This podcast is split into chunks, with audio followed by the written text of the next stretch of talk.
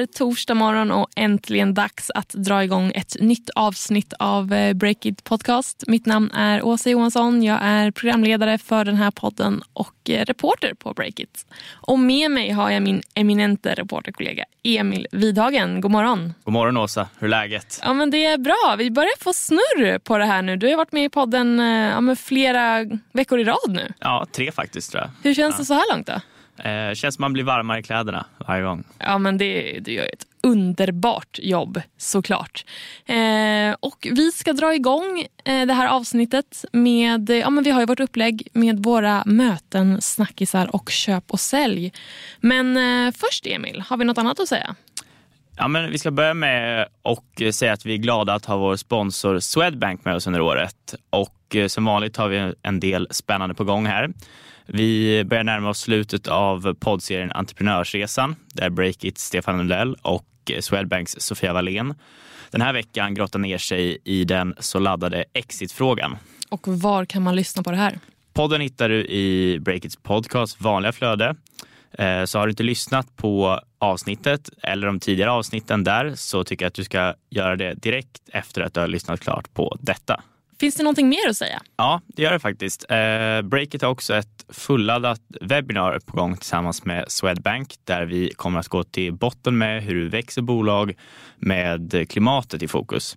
Eh, det här webbinariet eh, kommer hållas den 10 oktober och det är kostnadsfritt så att det är bara att gå in och anmäla sig på breakit.se under eventfliken eh, direkt efter det här. Eh, kolla in det. Jag tror inte du vill missa det. Bra, då så. Vi eh, kör igång med mötena vi har haft. Vill du börja eller ska jag ta ton? Jag tycker du börjar. Jag har haft ett möte med en person som heter Carolina Malmlöv.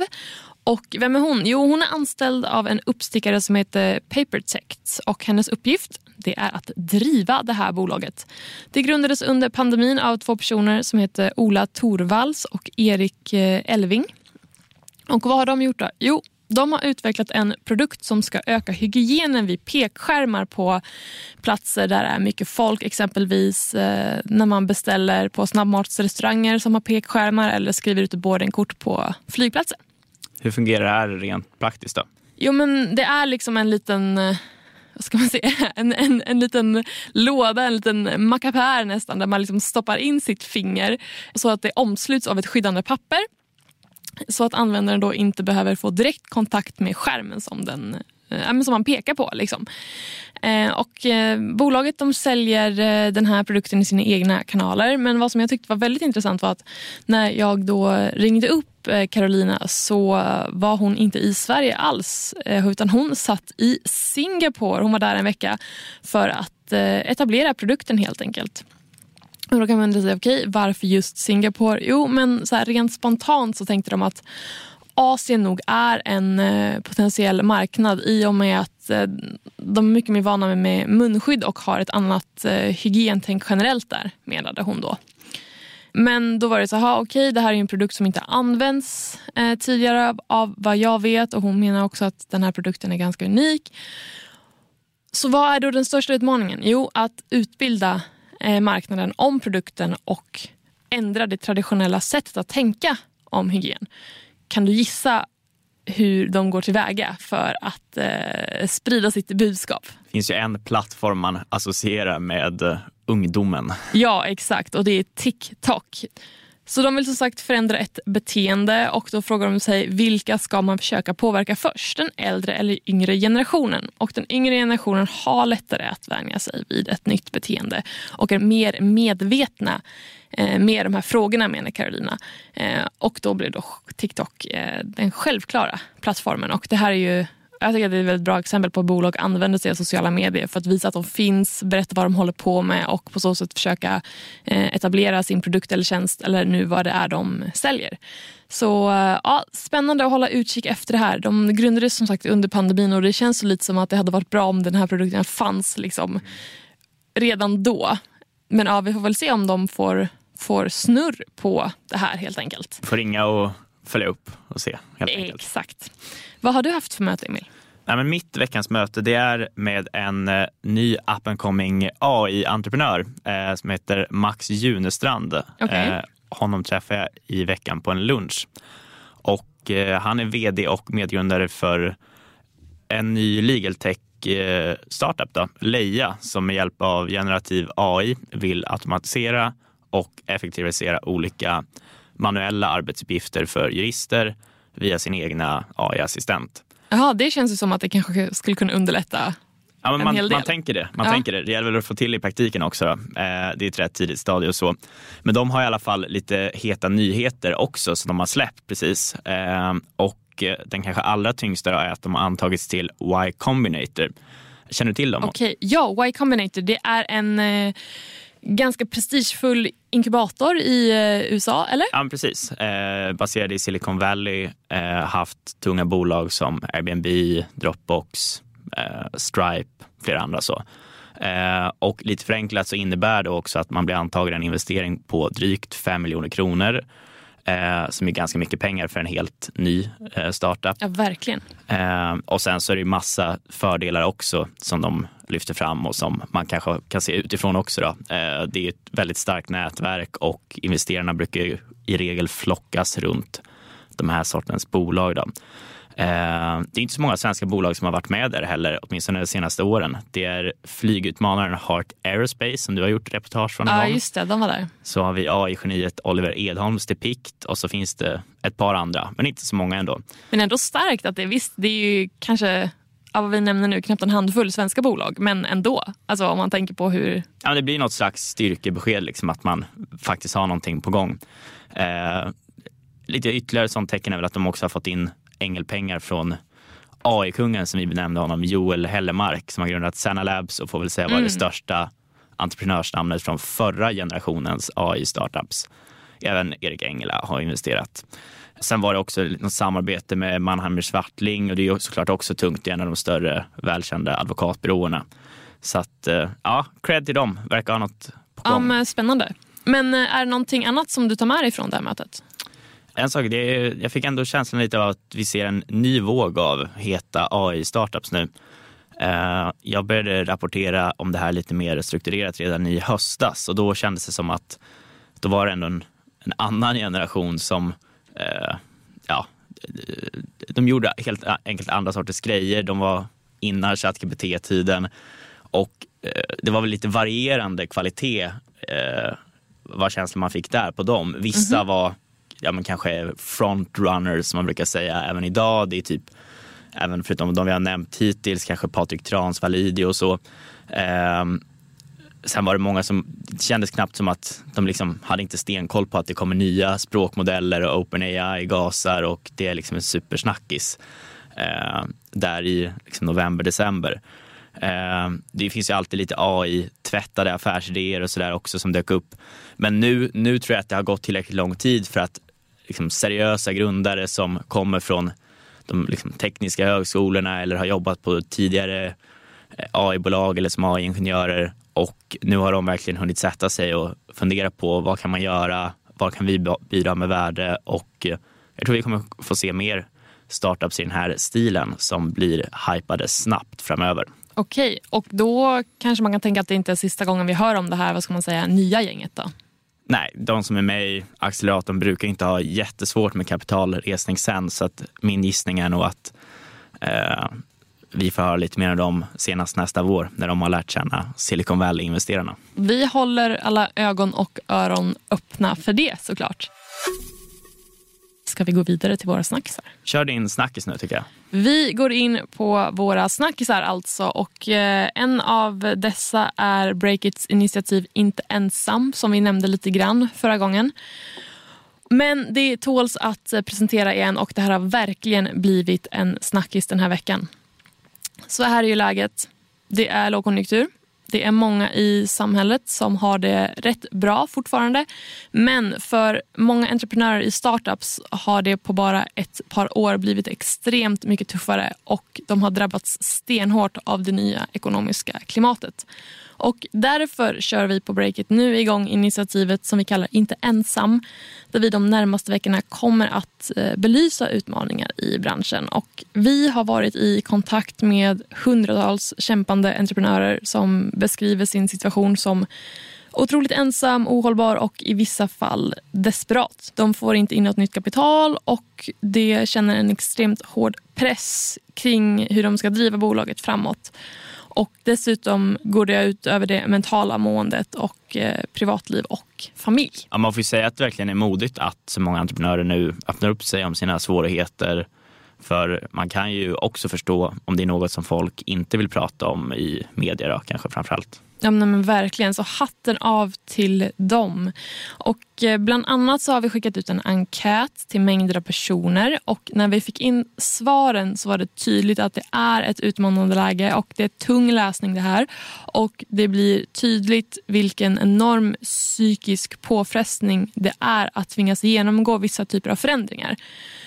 Och bland annat då för att nämna några punkter så vittnade tre av fyra grundare att de har mått dåligt på grund av jobbet. Arbetsbelastning och kapitalanskaffning är de främsta orsakerna till det här.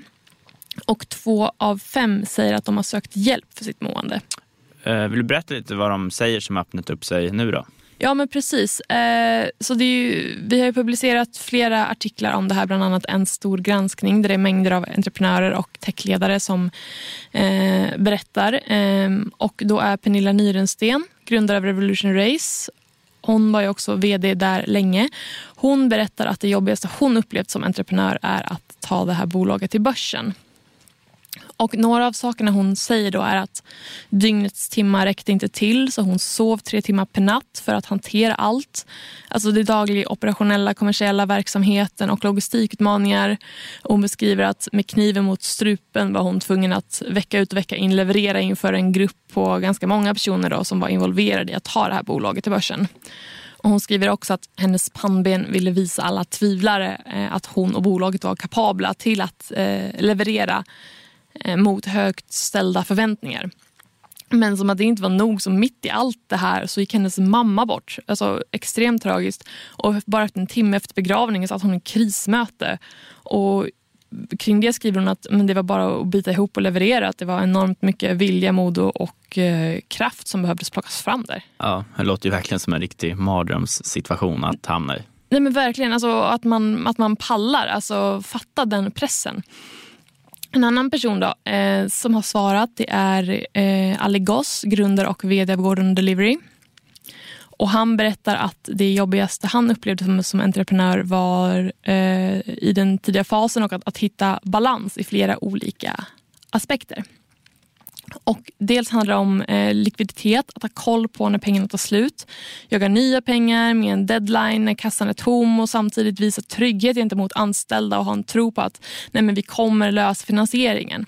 Och lite på samma spår där, kapitalanskaffning i affärsängelsvärlden, skriver han att det är väldigt många som visar intresse eh, men han fick varken ja eller nej vilket skapar en, ja, en osäkerhet såklart och ibland en falsk tro på när finansieringen ska bli klar. Och han skriver också att när man pressar på så drar folk sig dessutom ur. Det känns verkligen som det här med kapitalanskaffning ett återkommande tema som du var inne på. Jag minns att eh, även Fredrik Hjelm lobbade för det här, var grundaren eh, i både Svenska Dagbladet och hos oss i en intervju i vintras om att det kanske var det allra vidrigaste. Ja men exakt, där öppnar jag också upp mycket om det här. Och sen tänker jag nämna en eh, person till som har svarat nu och eh, det är Hanna Videll. Och hon eh, svarar också på frågan om vad det är som är det jobbigaste hon upplevt som entreprenör. Och där skriver hon att samtidigt som man försöker bygga ett bolag ha ett ansvar för medarbetare, kunder och vara väldigt nära en ekonomisk katastrof samtidigt. Och att, att kämpa med likviditet dygnet runt för att få allt att gå ihop. Och Hon beskriver det som en stress som är svår att beskriva. Det låter ju också extremt påfrestande. Eller hur? Men visst har det kommit in lite anonyma svar också? Ja, det kommer in anonyma svar och de här tycker jag är alltså mest brutala. Man fattar att folk vill vara anonyma här. Och eh, här är några som har svarat och då har de svarat på frågan Eh, eller vi har bett dem att beskriva hur det kändes när de här personerna mådde som sämst på jobbet. Och där är en som skriver så här. Man vaknar varje natt och hyperventilerar. Dag efter dag i månader. Det är inte vackert. Det enda man kan göra är att bestämma sig för att aldrig ge upp. En annan skriver så här. Som värst var det en del av morgonrutinen att hulka ett par gånger innan jag satte mig i bilen. Och så har vi en till som skriver så här rent ut sagt brutalt tungt. Tar över mycket av dygnets alla timmar och skapar en mindre glad person i tillvaron för ens närstående. Det här är verkligen brutala vittnesmål. Eh, väcker det här några tankar hos dig, Åsa? Nej, men ja, det är verkligen brutalt och ja, det väcker mängder av eh, tankar hos mig och jag blir ganska Ah, inte arg, men ah, ah någon, någon sån känsla i mig. För jag tänker så här, Varför sliter man ut sig själv på det här sättet för ett bolag? Visst, jag är inte entreprenör så jag kan inte förstå helt och hållet. Men jag kan tänka mig att mycket handlar om ja, men dels pengar såklart, man behöver mat på bordet. Man kanske har anställda som man känner ett ansvar för och investerare som flåser i nacken.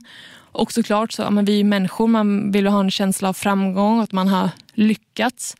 Och såklart så det finns säkert mängder av entreprenörer och det vet vi om som verkligen brinner för sitt eh, bolag, affärsidén. Man kanske är helt och hållet övertygad om att det här kommer vara min liksom, contribution till samhället. Jag kommer göra någonting bättre med det här. Eh, att man har investerat sig själv och hela sin själ i det här. Så det, alltså, det kan ju vara en sak.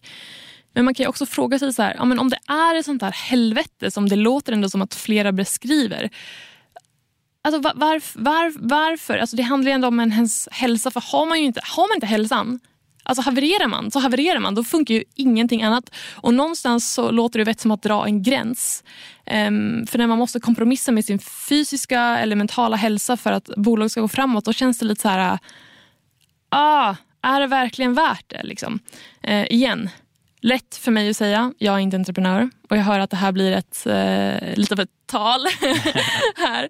Men, kör på. Eh, ja, ja, men jag kör på. Och, alltså, så här, jag, och jag kan också tänka mig så att det kanske är lätt att man hamnar lite i konflikt med sig själv när man liksom fattar att ja, nu mår jag ganska dåligt. Men det är också lätt att bli fartblind. Liksom. Man ser sitt mål lika tydligt som man ser andra personer i sitt rum eller lika tydligt som man ser sin hand framför sig.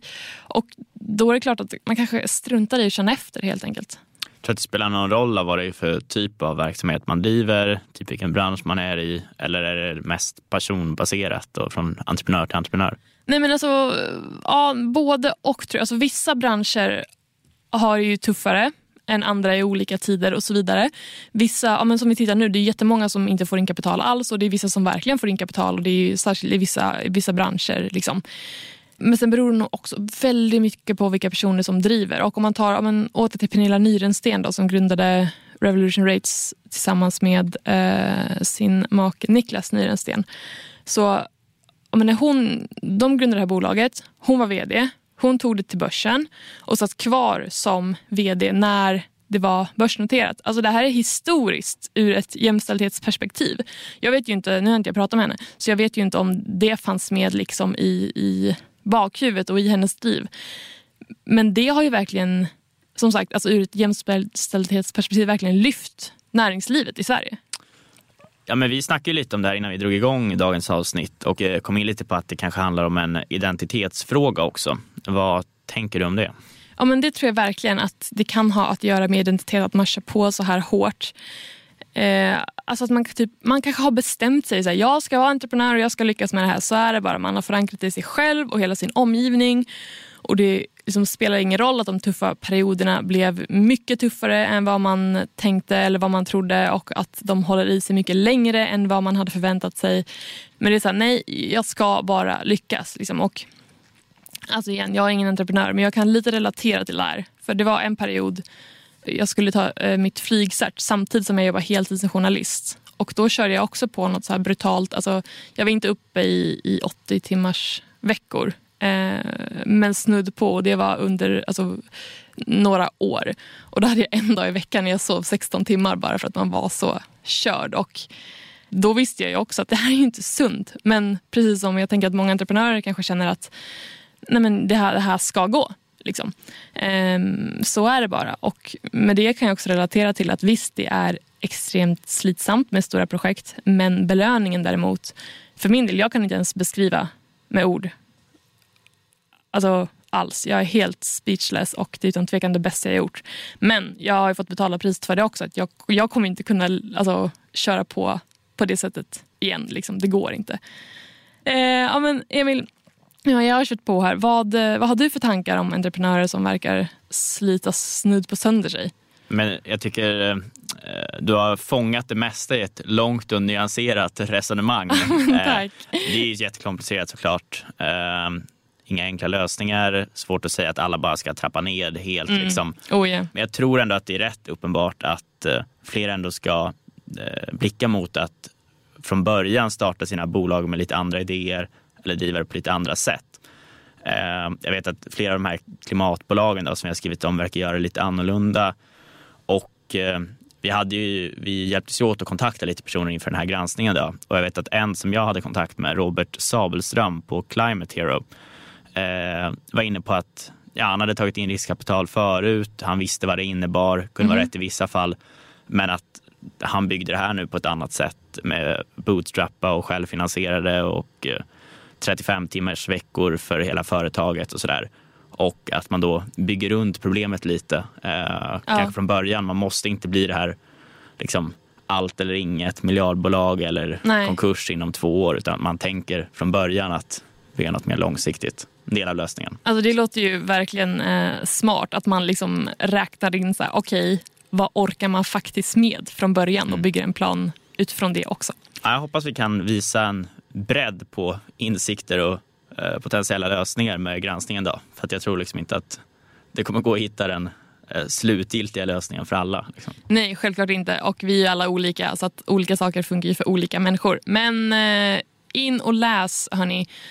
På breakit.se har vi den här stora granskningen och mängder av artiklar nu som kommer dyka upp de, i det närmaste här. Eh, och hör jättegärna av er med tankar, inspel eller om ni kanske vill berätta om er egen story. Mig når ni på asa.breakit.se. Mig når ni på emil.breakit.se. Men du, då känner jag att jag behöver ta ett andetag här och bollar över till din snackis. Vad ska vi prata om nu? Ja, men jag tänkte att vi skulle lyfta blicken lite mot världen och eh, den här veckan prata lite om techindustrins relation till Kina. Eh, och det blir från någon slags europeiskt och amerikanskt perspektiv i relation till Kina. Då. Eh, det här är ju en ständig snackis, men den återaktualiseras av lite olika nya grejer nu. Och vad är det som har hänt nu då? Berätta. Ja, men det allra mest aktuella är väl att eh, riskkapitalbolaget GGV Capital, som är en av de stora Silicon Valley-investerarna, har bestämt sig för att separera sin företagsstruktur i två delar så att de får en amerikansk del och en kinesisk del som ska operera oberoende av varandra. Okay. Och man kan väl säga att det här sker efter påtryckningar från amerikanskt håll. Då. Det är Biden-administrationen som har meddelat att de ska begränsa amerikanska riskkapitalbolags investeringar och olika andra sorters investeringsupplägg i eh, olika kinesiska tekniker. Ehm, och det här är inget isolerat fenomen med just de här eh, GGV Capital utan även superkända VC1 Sequoia som bland annat är en av de eh, största ägarna i Klarna, om inte den allra största. Ehm, de gjorde också en liknande sån här split i början på juni eh, just på grund av de här anledningarna med påtryckningar från amerikanskt håll. Just ja. För övrigt så ryktas eh, Apple också nu satsa på att i princip helt flytta sin produktion till Indien och producera sina produkter där istället för i Kina. Då. Eh, och det handlar ju i grunden om samma sak. Det är risk för regleringar från amerikanskt håll och att man blir fast med massa varor i Kina som inte kan skeppas vidare.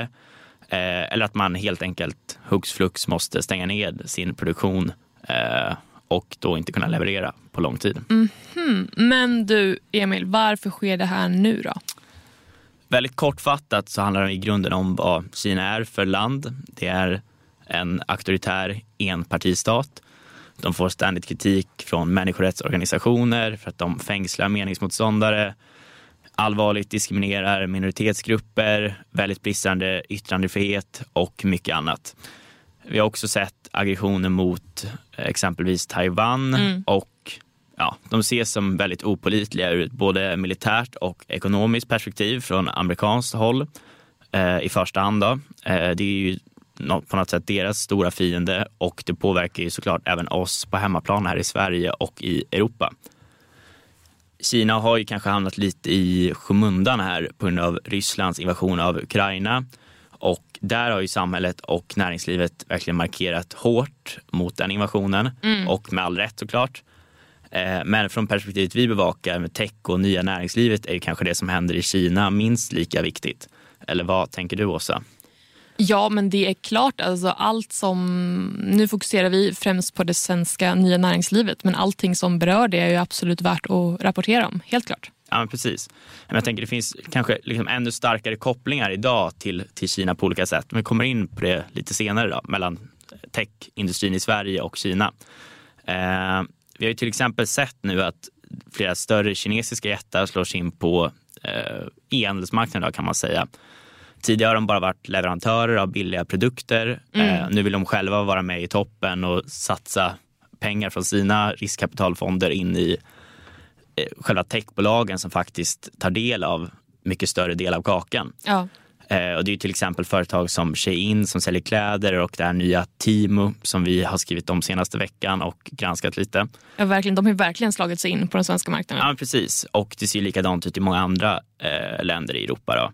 Eh, de konkurrerar på många fula sätt får man väl säga. Eh, vi har som sagt skrivit om en del. Eh, och det är också många frågor man kan ställa sig om de säkerställer produkt och säkerhetskrav för olika varor. Miljökrav, arbetsrättsligt dåligt vet vi ju att det är i många fall. Okej, men jag, jag tänkte, alltså, vad, vad kan man göra då? Eller vad, vad bör man göra från europeiskt eller amerikanskt håll nu, tänker du? Ja, eh, det är ju en jättesvår fråga. Eh, och jag säger inte att man ska stoppa handeln. Liksom, det, är, det har ju en tendens att bara trissa upp läget ännu mer och handel kan ju vara väldigt bra för att bevara fred. Eh, men jag tänker att man kanske som eh, europeiskt eh, eller svenskt eh, bolag kanske borde förbereda sig för vad som händer om det går eh, trissas upp från den här situationen helt enkelt. Det kan ju gå från att det är ett spänt läge nu, frostiga relationer med Kina, till att det blir något eh, mycket, mycket mer eh, reglerat och spänt läge längre fram. Eh, till exempel med Ryssland så gick det ändå ganska fort från att det var acceptabelt att kanske jobba där eller ha eh, produktion och kontor där till att man var tvungen att stänga ner helt för att man såg vad de gjorde mot Ukraina. Ja, ja alltså, det gick ju på loppet av någon dag eller vecka kändes det som. Det gick ju hur snabbt som helst. Ja, men precis.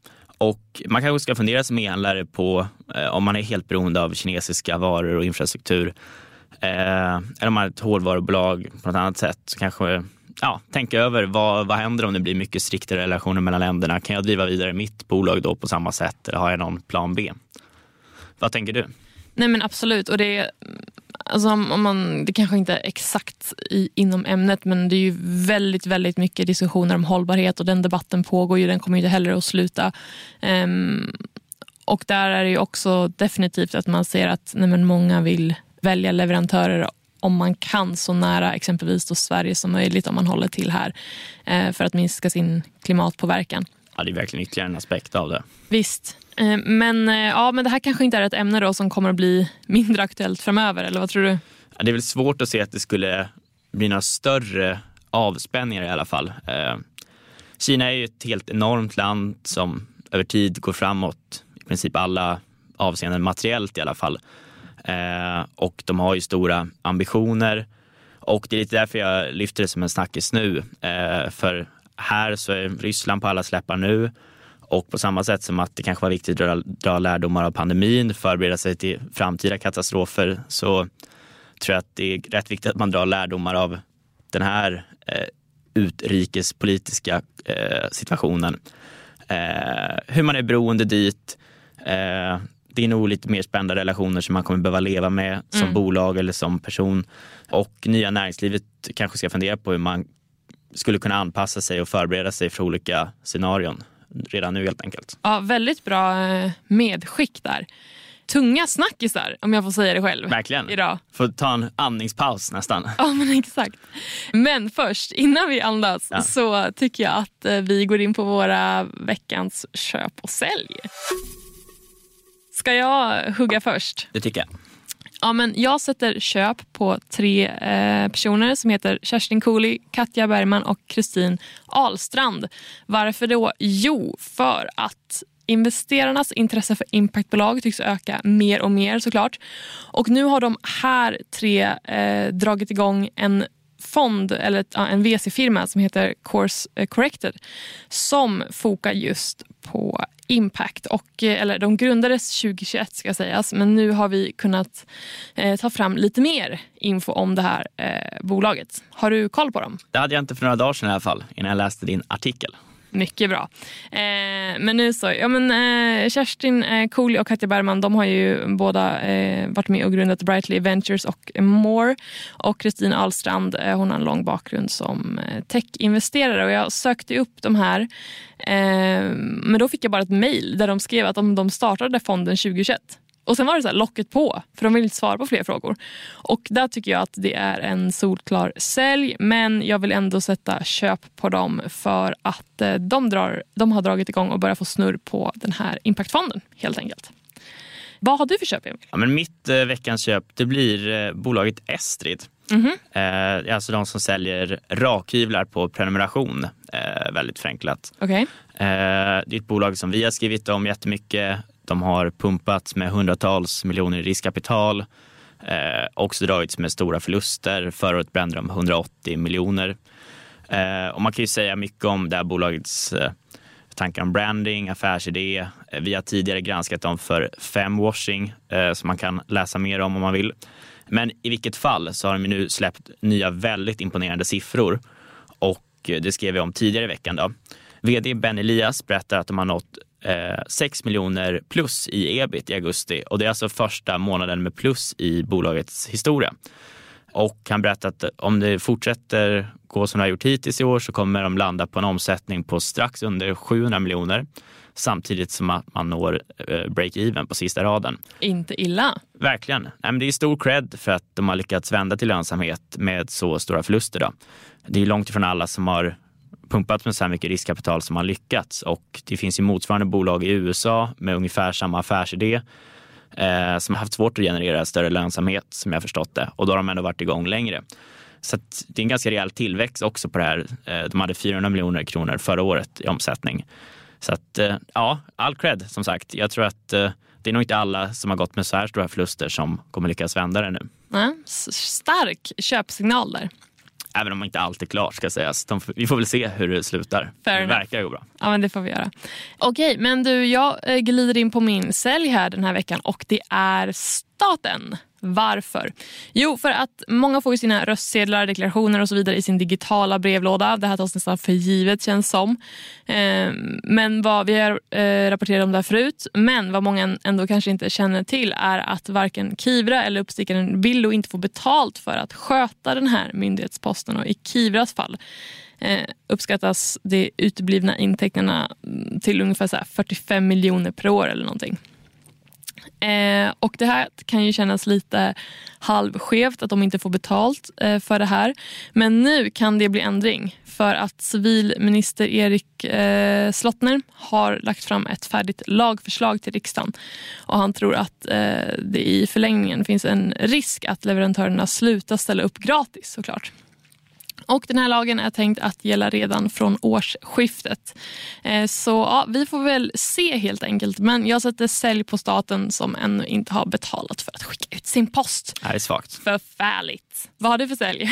Ja, men du sålde staten och jag ska sälja kommunerna faktiskt. Ja, vi går till hård attack här idag. Verkligen, mot myndighets-Sverige. Mm. Eh, nej, men det är techentreprenören Jens Nylander eh, som har flera tunga exits i bagaget eh, som har gjort en liten egen granskning, eller inte liten, utan en ganska omfattande granskning av kommunerna. Okay. Han har kontaktat eh, alla Sveriges 290 kommuner, begärt ut en kopia från dem på deras leverantörsfakturer från 2022 och eh, hela vägen in på 2023 så långt de har kommit. Okay. Och därifrån kan hans AI-verktyg hitta avvikelser och göra analyser av hur kommunerna spenderar sina skattemedel. kan man läsa mer om på vår sajt. Eh, han har hittat lite intressanta mönster som man kan ifrågasätta.